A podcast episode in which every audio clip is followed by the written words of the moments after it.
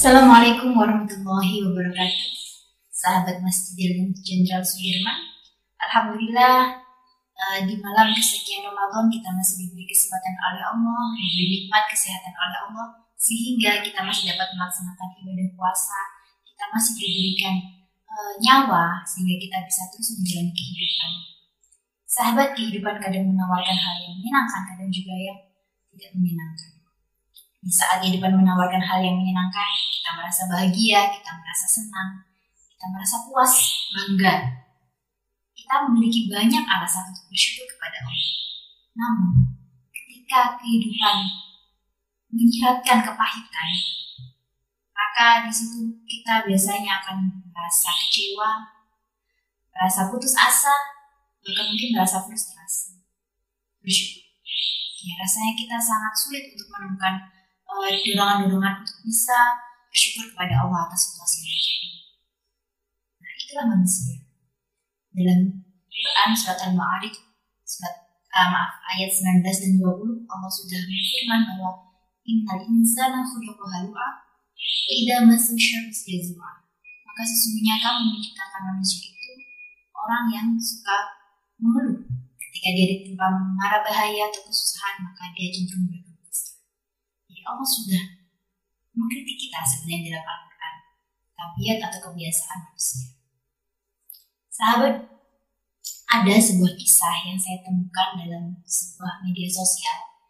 Uh, sayang sekali di situ anonim uh, penulisnya. Tapi saya berharap karena saya kira dalam cerita itu banyak hal yang bisa kita petik semoga kebaikan terlimpah bagi penulisnya mungkin di antara sahabat sudah pernah mendengar cerita tersebut tapi saya akan menceritakannya sendiri Alkisah ada seorang nenek-nenek beliau menjual tempe, tempenya itu adalah hasil dari produksinya sendiri.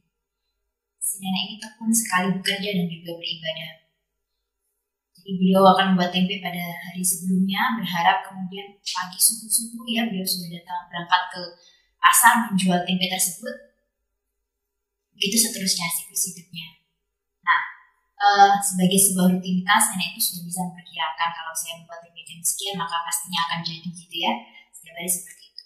Namun pada satu waktu uh, ketika beliau uh, sudah melaksanakan sholat tahajud jadi beliau ini rajin beribadah ya uh, jam 3 pagi beliau bisa menengok uh, tempenya. Beliau kaget nggak ada tanda-tanda matang nah setelah uh, sholat subuh dia menengok lagi semoga ini nanti matang karena saya sudah mau berangkat ke pasar. Begitu dicek ternyata masih belum matang lagi. Nah, di sini si nenek sudah mulai gusar. Bagaimana ini kalau tidak matang? Pasti tidak ada yang mau membeli tempe saya. Kemudian bagaimana ini? Nah, si nenek pun e, dengan hati yang gampang dia berangkat ke pasar. Sambil terus berdoa, ya Allah, semoga, semoga, semoga tempe saya tapi juga terus bersit bayangan-bayangan dalam benak beliau. Kalau nggak matang terus gimana saya punya dosa apa? Nah, itu yang dipikirkan. Akhirnya sampailah di pasar dan seperti dugaannya gitu. Maksudnya tidak ada pembeli yang mendekat gitu ya. Dia dilihat sekitarnya teman-temannya sudah mulai mengemas dagangan karena dagangan sudah habis. Tinggal tersisa hanya beliau dan beberapa orang beliau tidak berani juga untuk memamerkan tempenya. Beliau setengah mengintip pada tempenya, sudah jadi atau belum gitu ya. Sampai kemudian ada seorang ibu muda datang menghampiri beliau dan bertanya, Mbak, jualan tempe? Iya, saya jualan tempe. Boleh saya lihat tempenya? Si nenek ragu. Kalau saya lihat kan, ternyata tempe saya belum jadi, jangan-jangan ibu ini nggak jadi beli, gitu ya. Tapi kalau nggak saya lihat kan, saya juga dulu saya tidak jujur. Akhirnya ya itu kelihatan dengan pasrah sekali. Nah di luar dugaan jadi si nenek ini sudah pasrah sepertinya nggak bakal jadi dibeli. Ternyata di luar dugaan si ibu itu malah mau malah berkata begini eh inilah tempe yang saya cari. Saya mau mencari tempe yang belum matang sepenuhnya. Alhamdulillah ini dapat dari nenek. Saya belum semua ya nek. Boleh? Si nenek itu langsung bersuka cita dan hatinya. Beliau mengucapkan syukur alhamdulillah dan tempenya pun uh, habis terjual tanpa sisa. Nah, sahabat, cerita itu sebetulnya merupakan apa ya uh, gambaran kehidupan kita yang mungkin sering kita jumpai ya. Jadi ada kalanya kita mengira bahwa apa yang terjadi dalam hidup kita begitu buruk gitu ya. Sehingga kita kemudian memikirkan seperti dipikirkan oleh nenek tadi bahwa mungkin Tuhan sedang menghukum saya, apa dosa saya gitu. Jadi sangat mudah bagi kita untuk kemudian mempersepsi Tuhan bahwa Tuhan itu sedang menghukum saya gitu ya. Persepsi sendiri adalah satu hal yang uh, merupakan hasil dari evaluasi kita terhadap sekian pengalaman keberagaman kita dalam konteks persepsi terhadap Tuhan. Nah, uh, syukur dan persepsi terhadap Tuhan itu saling berkaitan. Jadi, manakala kita memiliki persepsi yang positif terhadap Tuhan, maka untuk kita menuju kepada rasa syukur itu jauh lebih mudah dibandingkan ketika kita mengembangkan persepsi yang negatif. Nah, bagaimana persepsi itu bisa muncul? Tadi sudah sebentar disampaikan bahwa persepsi muncul dari evaluasi kita terhadap pengalaman-pengalaman keberagaman kita. Bahkan kalau misalnya kita memiliki pengalaman spiritual, spiritualis, maaf, pengalaman spiritual, maka pengalaman itu juga menjadi bahan evaluasi kita. Ketika kita menemukan bahwa dengan pengalaman keberagaman itu, pengalaman itu adalah hal yang baik, positif, menyenangkan, ya, mendatangkan ketenangan itu, uh, Anda merasa dilingkupi kebaikan-kebaikan, maka itu akan bentuk persepsi yang positif kepada. Biasanya manusia kan seperti itu. Jadi kalau dilingkupi kebaikan maka mudah sekali untuk mempersepsi positif. Namun ketika eh, kita menjumpai bahwa, bahwa dalam proses keberagaman kita kita tidak mendapatkan makna apa pun, lempeng aja rasanya, lempeng dalam artian itu fat, tidak ada rasa. Kita menjalani ibadah sholat, ya, mengaji, kemudian puasa, fat aja rasanya, ritual, maka tidak ada pengalaman khusus keberagamaan gitu. Nah persepsi di sini persepsi positif ini belum sukses terbentuk. Artinya kita akan mudah terombang ambing gitu ya, tergantung uh, kita dalam situasi yang seperti apa. Ketika kita merasa dibahagiakan gitu, oleh Tuhan, maka kita merasa oh Tuhan saya. Ketika kita merasa uh, bahwa situasi sedang tidak menguntungkan, maka ya persepsi itu kemudian terarah pada persepsi yang negatif. Padahal di setiap waktu dianjurkan untuk selalu bersyukur. Sabar syukur itu adalah satu kesatuan dalam kita menjalani hidup. Nah, eh, dulu saya pernah mendengar satu eh, pernyataan bahwa sebaik-baik doa itu adalah. Itu saya berpikir bagaimana mungkin satu ucapan tahmid itu dianggap sebagai sebuah doa. Namun ternyata ada makna yang mendalam dari lafaz Alhamdulillah, Alhamdulillah, Alhamdulillah, Alhamdulillah, Alhamdulillah artinya akan segala puji nilai kepada Allah SWT. Jadi Alhamdulillah alamin segala puji kepada Allah dan semesta alam. Dalam beberapa uh, riwayat disebutkan Alhamdulillah ala kulli halin walimah. Alhamdulillah bersyukur atas segala hal, situasi dan juga nikmat. Maka di sini uh, bahkan ada bagian sufi yang menyatakan bahwa bersyukur itu pada dasarnya bukan karena apa yang uh, datang kepada kita, nikmat apa yang kita peroleh, tapi bersyukur itu adalah baik ketika kita mendapatkan sesuatu ataupun tidak mendapatkan sesuatu dari Allah. Itu bersyukur. Jadi bersyukur adalah rasa positif uh, yang muncul pada diri kita, rasa berterima kasih, bahkan mungkin lebih dari berterima kasih. Jadi persepsi positif yang muncul pada diri kita terhadap seseorang itu apa pun yang terjadi baik itu situasi yang negatif positif atau ketika kita merasa doa kita belum dikabulkan maka rasa syukur itu seharusnya selalu muncul ketika kita bisa menghasilkan menghadirkan rasa syukur artinya kita memiliki persepsi atau berhasil mengembangkan persepsi positif yang uh, baik kepada Nah, mengapa kita sampai harus memperhatikan atau mengintrospeksi persepsi kita kepada Allah? karena ternyata itu hal yang cukup esensial. Persepsi juga berkaitan dengan satu hal atau konsep yang belakangan ditemukan yaitu tentang attachment juga atau kelekatan terhadap Allah, kelekatan terhadap Tuhan dalam konteks yang uh, general gitu ya. Jadi kelekatan ini pun juga terbentuk uh, dari proses pembelajaran kita, pemaknaan kita terhadap agama kita, pemaknaan kita terhadap sifat-sifat Allah kita tahu bahwa Allah memiliki 99 sifat.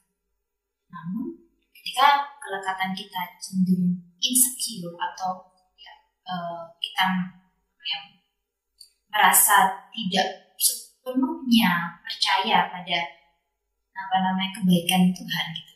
Maka yang lebih sering muncul di benak kita adalah sifat-sifat Tuhan yang semacam maha menghukum gitu ya marah dan seterusnya.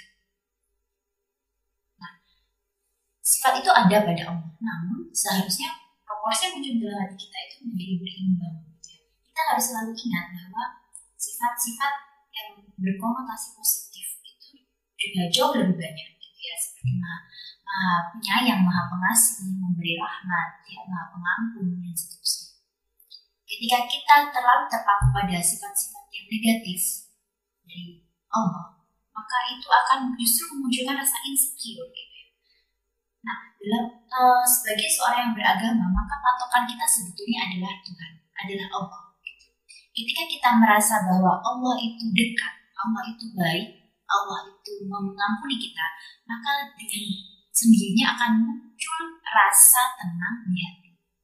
Berbeda halnya ketika kita lebih uh, meyakini atau lebih berorientasi pada sifat-sifat yang Allah, kalau saya berbuat ini maka Allah akan marah. Kalau saya berbuat dosa belum tentu Allah akan mengampuni. Jadi hal-hal yang negatif yang muncul gitu, maka itu akan justru akan memunculkan rasa insecure. Ya, insecure tidak aman gitu.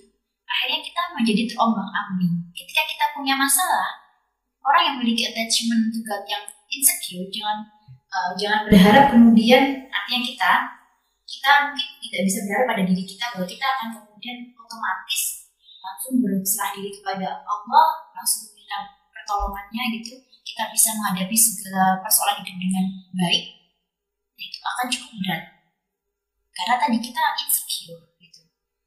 ada sosok yang sangat berkuasa saja kita insecure kemudian kepada siapa kita akan bisa um, melabuhkan harapan kita, melabuhkan doa kita.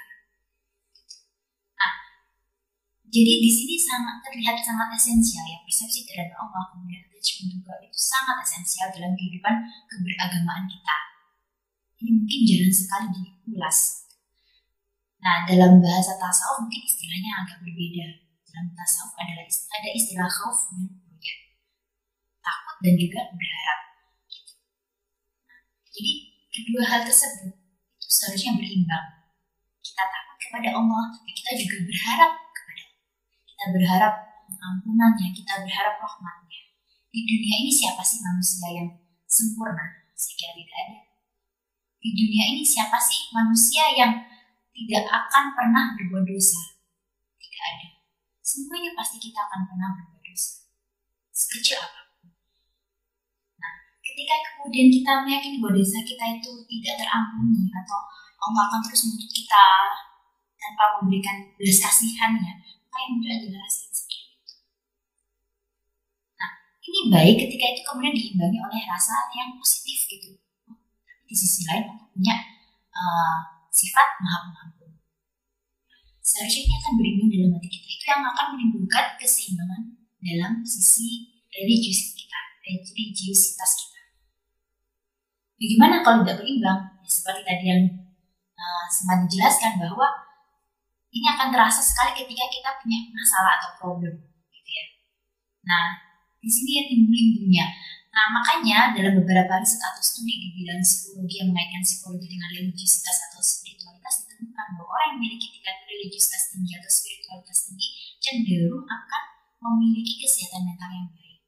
Dan juga religiusitas tinggi ternyata bisa dijadikan sebagai salah satu strategi coping yang efektif untuk mengatasi stres, mengatasi masalah, gitu ya. Bisa juga hmm, menjadi semacam barrier atau penghalang orang untuk mengalami depresi.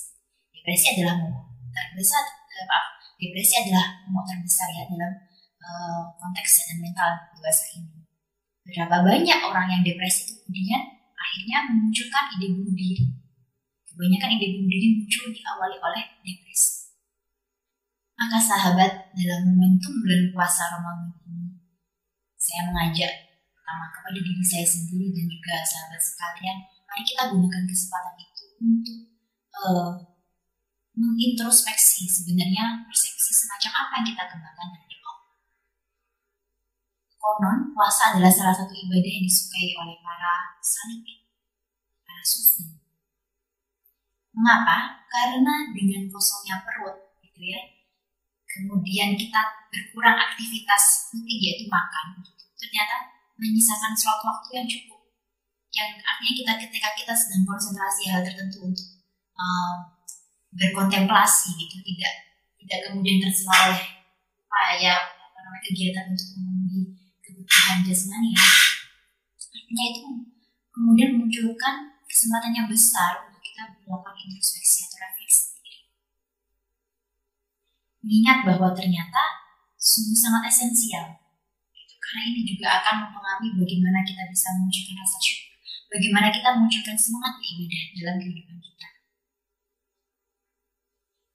Ya, ini mungkin sangat psikologis sekali, namun ini tidak bisa diabaikan.